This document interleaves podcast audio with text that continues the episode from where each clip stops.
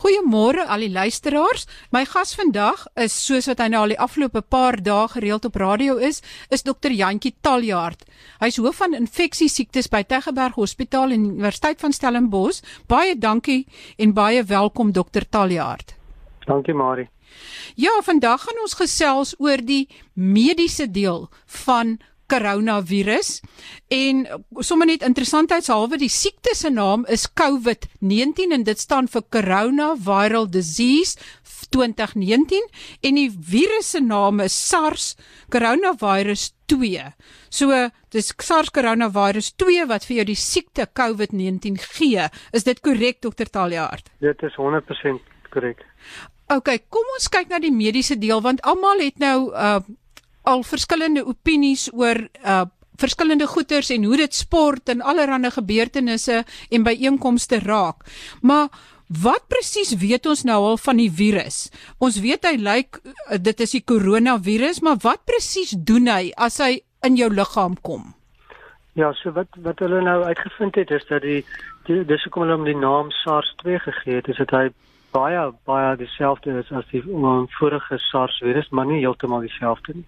Met omtrent so 'n bietjie meer as um, 85 amper 90% ooreenkoms met die oorspronklike SARS virus. Dis hoekom hy SARS-2 genoem word. Die siekte wat hy veroorsaak is ehm um, uh, is maar 'n lugweginfeksie soos almal nou weet. Eh uh, dit veroorsaak eh uh, ja ja heg aan die slijmvlies eh uh, wand van die lugweë ehm um, verkies die onderste lugweë wat daarmee bedoel ons die longe, maar hy kan ook aanheg aan die boonste lugweë. So die mees algemene uh, ernstige siekte wat sal ontwikkel is dan 'n longontsteking wat wat dan gewoonlik ehm um, uh, 'n matige longontsteking kan wees wel wat by die huis behandel kan word of as dit baie erg is moet mens opgeneem word in die hospitaal vir suurstofterapie en so. So daar's dit is net ondersteunende behandeling wat jy kan gee. Dit is nie daar's nie 'n een, of ander antivirale middel of iets wat jy kan gee nie. Ja, so daar's baie wat nou aan die gang is en en, en toetse wat gedoen word en uh, studies wat gedoen word om uit te vind watter middels kan ons gee. Daar's 'n paar ehm um, middels wat wat wel gebruik word uh, ongeag die feit dat daar nie baie goeie bewyse is dat hulle wonderlike dinge doen nie, maar daar's teoretiese moontlike voordeel wat mense daaruit kan kry. Ehm um, so daai middels sal dit kos iemand wat baie siek is gegee word. Met ander woorde as hulle in die intensiewe sorg lê, miskien op kunsmatige asemhaling, sal sal uh, enigiets gegee word wat moontlik teoreties van van ware kan wees sonder dat dit 'n skade aanrig.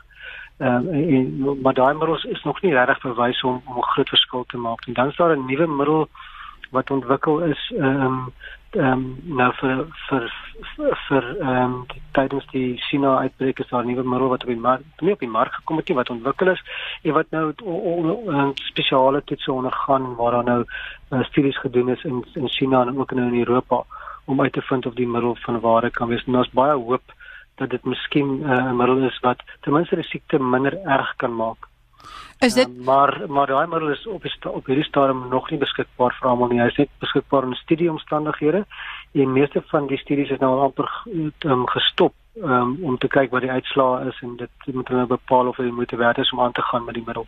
Is dit dan ehm um, is dit een van die middels wat in Duitsland of in China of in Israel ontwikkel word? Ek is nie nee dit, dit word ontwikkel deur ek dink Amerikaanse uh, farmaseutiese maatskappy Gilead. Ehm um, die middelnaam is Remdesivir. OK. En en ehm um, wat is die moontlikheid dat as iemand herstel het, dat hy teenliggame teen die virus kan kry en dat daai teenliggame dalk kan gebruik word om 'n entstof te ontwikkel? Ja, dit is dit is maar die wat wat wat, wat ek dink deel van die enstofontwikkeling en mens kan of menslike antiliggame gebruik en dit dan vorm in 'n 'n skadelose soort van 'n inspuiting wat dan as 'n enstof kan kan gebruik word. Maar meestal gebruik hulle die virus self eh, of hulle maak die virus se oppervlaktes na op 'n kunsmatige manier wat dan 'n immuunrespons sal uitlok as iemand ingeënt word eerder as jy die antiliggame gebruik van van 'n ander mens want jy het die jy het die, die mens met sy eie antiliggame produseer teenoor die virus om dan immuniteit op te bou. En wat is die kans dat hoe dink hoe gou dink jy sal daar 'n tipe entstof of 'n behandeling wees? Sal dit nog 'n jaar vat of is dit ons is ons hoopvol dat dit gouer as 'n jaar kan wees? Ja, weet jy, maar ek ek lees ook maar wat hulle sê. En ehm um, aanvanklik het hulle gesê 'n jaar 18 maande Uh, want dit is natuurlik nou 'n proses wat aan die gang moet kom, geld wat gekry moet word om dit te doen en dan moet jy nou ook gelukkig wees om nou vinnig 'n effektiewe een te kan ontwikkel en dan moet jy dit ook op groot skaal kan produseer. Ehm um, nou hulle het aanvanklik gesê 'n jaar tot 18 maande, ehm um, maar ek dink soos wat die wêreld meer besef hoe dringend dit is, hoe meer ehm um, ehm um, is daar 'n uh, uh, word omstandighede geskep waarin so iets miskien vinniger kan gebeur. Of dit vinniger genoeg gebeur om om voor die einde van hierdie epidemie eh, beskikbaar te wees is is natuurlik op almal dit is maar almal se vraag. Kom ons hoop maar vir die beste. En as die virus nou in jou liggaam is, in die meeste gevalle wel in wat 94% is daar die mense wat goed herstel en wat nie te ernstig siek word nie. Maar is dit dan bloot die liggaam se eie immuunstelsel wat die virus oorkom of hoe werk dit? Ja, die die virus het ook maar 'n beperkte leeftyd ook in die lug weer en dan en dit is as gevolg van jou immuunstelsel wat uh, wat 'n 'n 'n reaksie vorm teen die virus en dan die virus ehm um, verwyder of doodmaak. Ehm um, dit is maar soos griep ook en en verkoues en so aan, jy weet dit jou immuunstelsel wat wat miskien as maaltyd weet 'n griep of 'n verkoue is maar 2 weke of 14 dae. Uh, dit is maar hoe lank dit vat vir jou immuunstelsel om die ding onder beheer te bring. Is dit ook omtrent 14 dae vir die corona virus vir hierdie ja, een? Ja, dit wissel dit wissel afhangende van hoe siek jy is. Um, maar as jy net 'n gewone matige siekte kan kry, dan kan dan dink dan praat hulle van so rondom 14 dae voordat jy beter sal wees. As jy baie ernstig siek was, kan dit langer vat. Goed. En dan uh, uh, wil ek gehoor het die ehm um, hoe lank is die inkubasietyd? Het jy nou meer duidelikheid daaroor en kan 'n mens iemand anders aansteek tydens die inkubasietyd as jy nog nie simptome het nie of moet jy eers simptome hê? Ja, daar is op almal se se se in almal se gedagtes ons word baie oor gepraat. So net eers as die die inkubasieperiode is enigietsie van so 2 dae tot uh 12 en 'n half dae sê hulle. Ehm um, en dit is die beste inligting wat ons op die oomblik het um, rondom inkubasieperiode wat wat ehm um, wetenskaplik um, ondersoek is.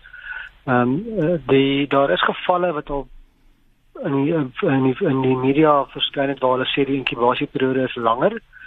Ek kan nie sê dat dit onwaar is nie, maar ehm um, dit is natuurlik nie die norm nie. Ehm um, en dit sal 'n uitsondering wees indien dit langer as dit is.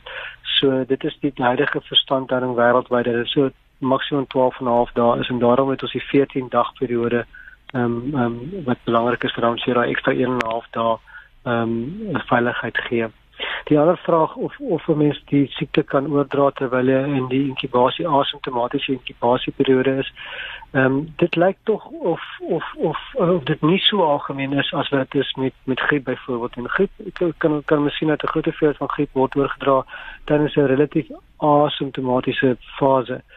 Ehm um, met die ondersoek wat die WHO gedoen het in in China, het hulle gaan kyk na die wat het die wat het die epidemie gedryf in China. Uh, en hulle het bevind dat die meerderheid van die gevalle wat versprei het was vanaf mense wat simptomaties is. Nou mens kan natuurlik nie sê dat dit oral in die wêreld dieselfde gaan wees nie. Mens moet maar jou eie ondersoeke in elke wêrelddeel doen om te kyk wat dryf die epidemie. Maar die die die, die huidige ehm um, uh konsensus onder die onder die kenners is dat indien 'n mens indien daar asymptomatiese oordrag plaasvind, uh, is dit nie speel dit nie 'n groot rol in die in die um uh, verspreiding van die siekte in 'n gemeenskap nie. Dit kan dalk uh, meer algemeen voorkom in baie naby kontakte, huishoudelike kontakte, weet mense wat mekaar sien en so aan. Daai daai kan wel 'n asymptomatiese oordrag, dit kan ek verstaan maar ehm um, die res sal baie laag uh, uh, waarskynlikheid hê as jy byvoorbeeld by 'n toonbank kom by 'n hotel en jy betaal vir ietsie en jy gaan weer weg en jy is asymptomaties daar vind jy reg direkte kontak plaas waar jy maklik die oordrag kan kan kan kan gebeur. So dit so ja kort antwoord ja, dit is moontlik, maar ek dink dit speel 'n groot rol in die in die verspreiding in die gemeenskap. Het dit te doen met die viruslading dat die dat jy kry nou die virus, maar dan is daar nou 'n uh, inkubasietyd, 'n tyd wat hy seker nou nodig het om te vermeerder. En soos wat die viruslading styg, begin jy seker simptome te toon of siek te raak, maar het daai viruslading ook iets te doen met hoe dit aansteek dat dit makliker oorgedra word? Ja, ek dink daar's daar's 'n uh, een of twee goeie publikasies wat wys wat wys hoe hoër die viruslading, hoe hoër die kans vir oordrag. Ehm um, en ehm um, en dit is ook as ook 'n verband tussen die viruslading en simptome. So hoe hoër die viruslading, hoe hoër die die, die waarskynlikheid dat jy wel simptome sal hê. So dit kan miskien wees dat mense wat nog nie simptome het nie en die viruslading is laer, maar hulle is in baie baie noue kontak met ander mense so soen in in in teen aan iemand dat dit wel dalk dan oorgedra kan word as jy dan so dit, dig teen iemand is. Dit is korrek ja. Dis dis hoekom die die een van die groot ehm um, uh, intervensies wat wat die regering nou ehm um, aanbeveel en wat die president ook aangekondig het is die ehm um, sosiale afstand. Dat ons afstand moet behou tussen mense ongeag of hulle siek is of nie. Ehm um, want afstand van 'n asymptomatiese persoon onmiddellik verlaag jou risiko om aangesteek word in iemand wat lae risiko uh, lae virale lading het om om teen tot 0 as jy net afstand behou. Maar uh, dokter Taljaard, hoe gaan dit dan hoe gaan mens dit beheer? In 'n situasie waar daar sê maar 10 mense in 'n twee slaapkamer huis bly of waar klomp mense op 'n slag in 'n minibus ry. Weet dit is hoe hou jy daai sosiale afstand? Ja, nee, dit is dit is 'n onmoontlike saak en ehm um, soveel as moontlik mense moet maar met met met ehm uh, um, slim planne opkom hoe mense dit kan verlaag. Kyk, ons moet ons moet um, in ag neem dat ons moet vrede maak met imperfeksie ons gaan nie alles 100% kan doen nie. Ons het tekortkominge in elke land het dit en in in die, die lesse wat ons ook leer van die ander lande en ons is bevoorreg om te kan leer uit uit die uit die ander lande se se se harde lesse is dat 'n mens moet erns vrede maak met imperfeksie. Maar jy moenie ophou probeer om dit reg te doen nie. So ons moet daai areas identifiseer wat wat wat ehm um, amper onmoontlik is om te dink hoe kan ons dit verbeter en dan moet ons gaan kyk na na nuwe en innoverende planne en ek dink mense moet almal vra wat betrokke is. Dit dit medisy en die en die en die regering kan nie oral uitkom nie, maar as iemand betrokke is by 'n taxi-bedryf of iemand doen um, enige ehm um, vrywillige werk in in hoogbevolkte areas moet hulle gaan kyk en ons moet die leiers daar praat en sê hoe kan ons hierdie risiko verlaag uh, en nie noodwendig heeltemal tot nul bring maar hoe ons dit verlaag en kan ons mense inlig almal moet betrokke raak nou Dokter Taljaard by um, Tygerberg Hospitaal het julle twee afdelings wat julle eenkant hou vir isolasie van pasiënte wat ernstig siek is met uh, COVID. Maar uh, waar daar respirators en alles beskikbaar is om hierdie mense die beste kans op oorlewing te gee. Maar daar's 4 beddens in die een afdeling en 4 in die ander.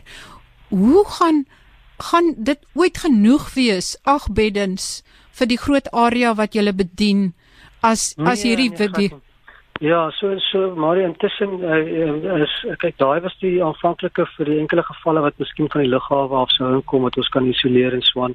Uh die opvolgplanne is om sale beskikbaar te stel, leeg te maak. Ehm um, Grote Skuur het ook 'n plan waar hulle ehm um, ook sale uh, sale beskikbaar moet gemaak vir pasiënte wat opgeneem moet word. Die groot area waar ons natuurlik doen, dis net vir mense wat opgeneem moet word in die hospitaal met met erge pneumonie natuurlik. Nou ons gaan nie die, die mense wat gesond gesond genoeg is om huis toe te gaan kan kan by die huis isoleer met hulle met hulle griepagtige simptome. Ons praat nou van die hospitaal is daar vir die mense met die pneumonie wat opgeneem moet word. So daar's definitief 'n plan om om meer spasie te skep en ehm um, mense in sale te sit wat wat die wat die infeksie het en natuurlik die mense wat jy nog toets wat ernstig siek is, hulle moet in die aparte kamers gaan.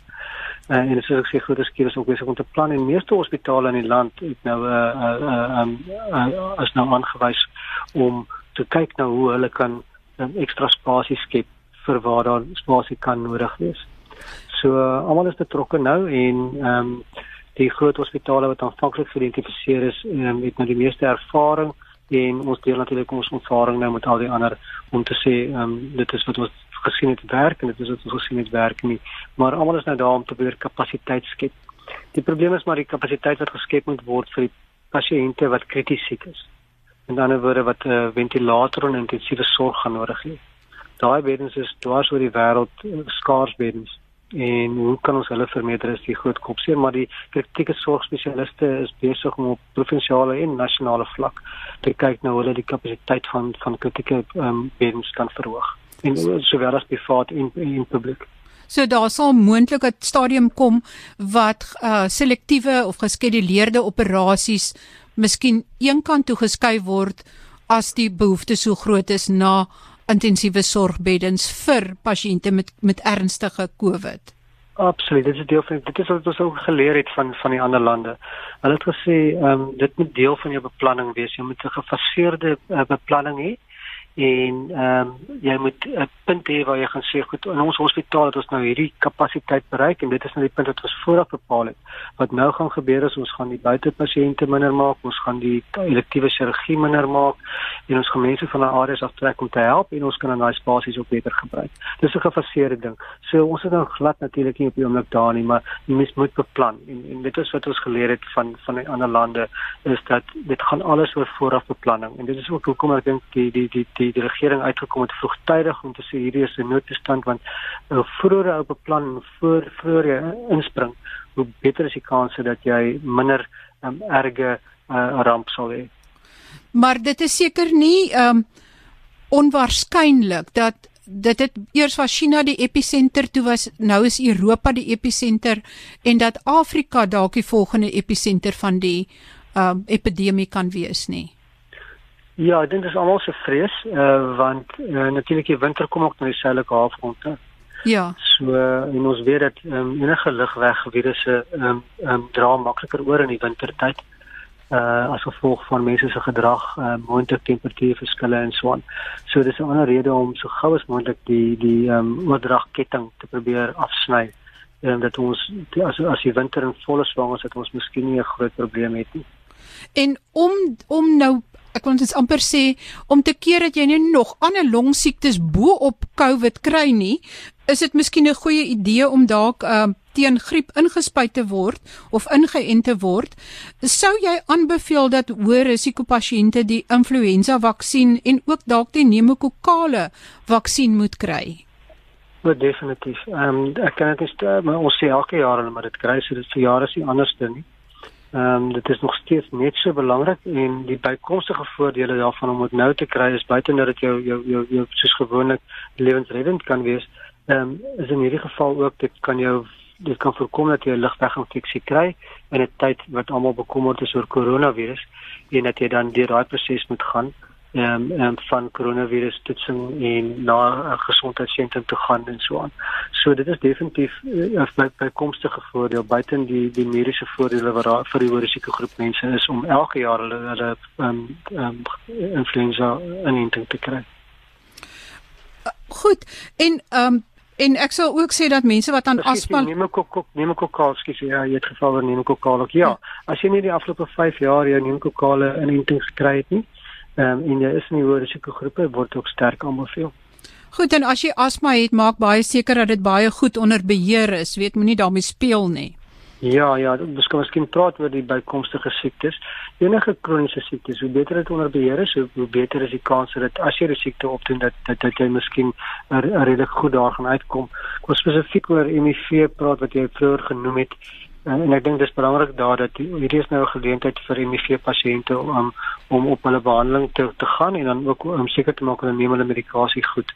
As jy suksesvol op behandeling is, verlaag dit jou kanse um, noemenswaardig om ernstige siekte op te doen van 'n virusinfeksie en ons neem aan dit sal ook waar wees vir koronavirus. En dan ook natuurlik vir pasiënte wat TB het, dat hulle so goed as moontlik hulle regime medikasie neem. Ja, ja, definitief. Dan wil ek gehoor het hoe lank bly hierdie virus buitekant die liggaam aktief? Hoe lank kan hy oorleef op 'n oppervlakte soos metaal of op 'n toonbank oppervlakte en wat kan dit doodmaak? Ek bedoel baie mense sê nee, ons het genoeg sonskyn ensovoorts, maar hoe wat is die situasie werklik? So die werklike situasie is nie volledig bekend nie, maar daar is so baie verskillende oppervlaktes en omstandighede wat dit beïnvloed. Die maklike antwoord is uh, dit dit dit lewe vir vir dit kan glad nie oorleef in 'n oppervlakte wat skoon gemaak word nie. So ek dink dit moet die boodskap wees. Ongeag van hoe lank dit moontlik kan oorleef, as jy daai oppervlakte skoonmaak, dan gaan dit onmiddellik dood. Tweedens, as jy aan enige oppervlakte geraak het wat nie skoon gemaak is nie en jy maak jou hande skoon, gaan dit onmiddellik dood. So dink dit is eintlik maar dit dan dan val jy die argument uit van hoe lank oorleef dit. Uh, maak jy die oppervlakte skoon met enige kommersiële uh, oppervlak skoonmaker, dit gaan onmiddellik dood of maak jou hande skoon, dan is dit ook onmiddellik dood. En en dan wou ek gehoor het uh wat van mutasie? Lyk dit of hierdie virus muteer of bly hy konstant? En uh saam met die mutasie wil ek ook gehoor het is dit lyk tog of die mense baie maklik aansteek. Is hierdie virus maklik aansteekbaar want die die uh die getalle neem so vinnig toe. Laat mense laat dink dat dit wel maklik aansteek. Ja, daar's daar's 'n paar dinge waarna mens moet kyk. Uh wanneer ons praat oor aansteeklikheid, ons praat van die R0, uh wat die reproduktiewe ehm um, koers is van 'n uh, uh, aansteeklike ehm um, agent.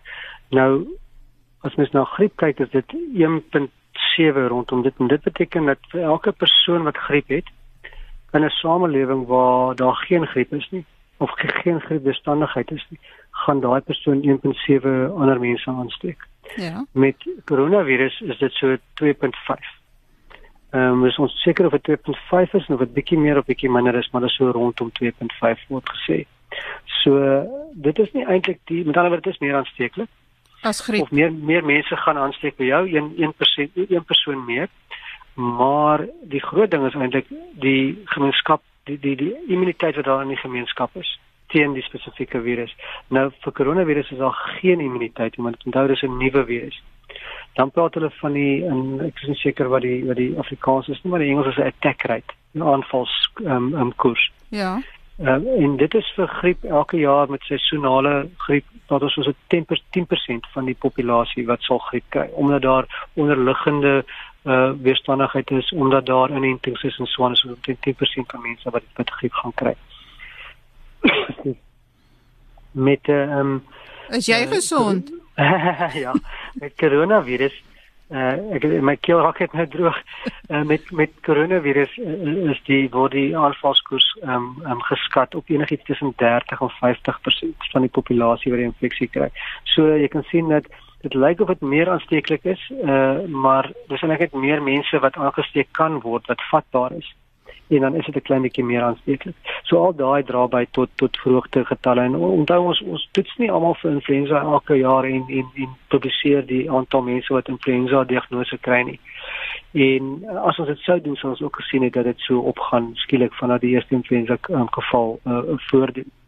Ehm um, die ander ding van toetsing en, en mense kan maar verwag dat hulle nou in die toekoms in die, in die nabye toekoms gaan sien dat getalle nog vinnig gaan spring want ons toets nou dramaties baie mense veral die hoë risikogroepe word vinnig getoets. So jy het 'n hoër kans om positiewe uitslae te kry en jy het 'n jy het 'n aggressiewe toetsstrategie. So jy gaan vinnig getalle sien opgaan as gevolg daarvan.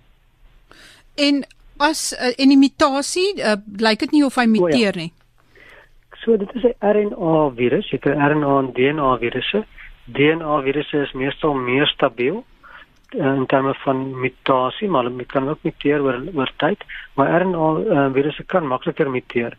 Die goeie ding is eintlik dat die meeste van daai mutasies muteer na swakker weergawe en weergawe wat nie kan oorleef nie. Ehm um, die daar is 'n studie vroeg wat uit China uitgekom het wat gebeweer het dat daar twee spesifieke mutasies is waarvan die een meer uh um ernstige siekte veroorsaak en die ander minder ernstige siekte. Maar daai inligting is is intussen bewys om nie heeltemal wetenskaplik korrek te wees nie. Uh mens kan verwag dat daar verskillende mutasies gaan wees. Ons sien dit met HIV wat ook 'n RNA virus is. Uh, maar dit het nie 'n groot impak op hierdie oomblik um, op die verspreiding en en die graad van siekte nie, maar natuurlik wag ons vir meer wetenskaplike inligting daaroor. So dit is daar's nog steeds onsekerheid. Al weet mense al baie meer as in die begin, is daar nog steeds heelwat onsekerheid. Ek wil dan net geweet het daar's um stories wat die rondte doen dat jy nie um non-steroidal anti-inflammatoriese middels soos Brufen en so aan moet gebruik nie want dit kan die virus versterk. Is dit korrek of is dit nog 'n Daar's daar's twee stories wat die rond te doen wat ek dink ons moet bespreek. Die een is dat jy ook nie jou jou jou um, antihipertensiewe medikasie wat ACE inhibitors is moet gebruik nie. Hmm. Uh, en daai ehm um, is totaal en al onwaar. Uh, mense moet asseblief aangaan met hulle antihipertensiewe medikasie. Daar's geen bewyse dat dit dat dit dat dit swak kan wees nie. En daar is mense wat kyk na dit en en, en dit ondersoek. Sodra daar nuwe inligting is, sal dit onmiddellik ehm um, oorgegee word. Met die non-steroid uh, anti-inflammatoriese middels is nou jou Brufen en jou Voltarens en goed. Ehm um, dit is ook nog vir my onduidelik waar daai inligting vandaan kom. Dis alles teorieë wat op 'n manier wetenskaplik teoreties ehm uh, um, waar kan wees. Maar soos ons al baie geleer het, is enigiets wat uh, teoreties miskien waar kan wees, is nie noodwendig in praktyk waar nie. Ek sou ek sou nou van my groot aanhanger van van daai middels nie. En ons as mens koers het en so moet moet ons nog gaan vir 'n vir, vir 'n panado tot daar meer duidelikheid is. En in die hospitaal opset sal hulle natuurlik ander medikasies gebruik want want in, in mense wat krities siek is gebruik mense dit in elk geval nie want dit kan jou niere aantas. Goed. En dan wil ek weet, sê maar ek voel nou vandag ek het my bors is uh styf. Ek het ek is bietjie koorsig, my lyf is seer van spierpynne, ek het dalk 'n effense keelseer. Gaan ek na my dokter toe, gaan ek na 'n kliniek toe, gaan ek na 'n hospitaal toe? Wat moet ek doen? Want party sê nee, jy moet by die huis bly en wag en ander sê nee, laat jou toets. Wat wat staan my te doen? Ehm um, as jy net een van die die mense is wat nie tans wat nie on, onlangs ehm um, gereis het oor see nie in die afgelope 14 dae nie of jy het nie uh kontak met iemand wat jy weet positief getoets het nie of wat jy weet word ondersoek vir 'n moontlike COVID-19 nie. Ehm um, het jy nie hoë risiko op die oomblik vir COVID-19? Uh, en ons sal definitief toets daarvoor nie. En die aanbeveling is dat jy maar sal doen wat jy normaalweg doen as jy siek is en die beste ding om te doen is as 'n mens siek is met 'n virusinfeksie wat miskien soos griep is, is om by die huis te bly. Ehm um, um, en ehm um, nie onnodig ander mense bloot te stel aan jou onderliggende virus siek. Ons sien al klaar 'n bietjie griep in die rondte en ander ander verkoue virusse wat hier rondte doen alreeds. Goed. So ek sal maar so gou as moontlik my influenza vaksin kry en dan sommer pneumokokale een ook sodat ja, ek ja. nie siek is nie en dan gaan ek maar doen wat ons in elk geval moet doen as daar 'n siekte in die omgewing is. Uh baie baie dankie uh, Dr Taljaard is daar nog 'n belangrike aspek wat jy wou genoem het voordat ons afsluit? Ja, ek dink almal moet sê ons is in vir 'n moeilike tyd en ek dink ehm um, ons moet regtig probeer om ons gedrag te verander. Ons is nie gewoond daaraan om om sosiale afstand te bou nie. Ons is nie gewoond daaraan om heeltyd te dink aan dat jy aan oppervlaktes vat en dan jou hande moet moet skoon maak en so. So ehm um, regtig die sosiale afstand is uiters belangrik. En dan wil ek ook net 'n beroep doen op almal om te besef dat baie mense gaan moeilik moeilike besigheidstyd deur en dat ons mekaar ondersteun.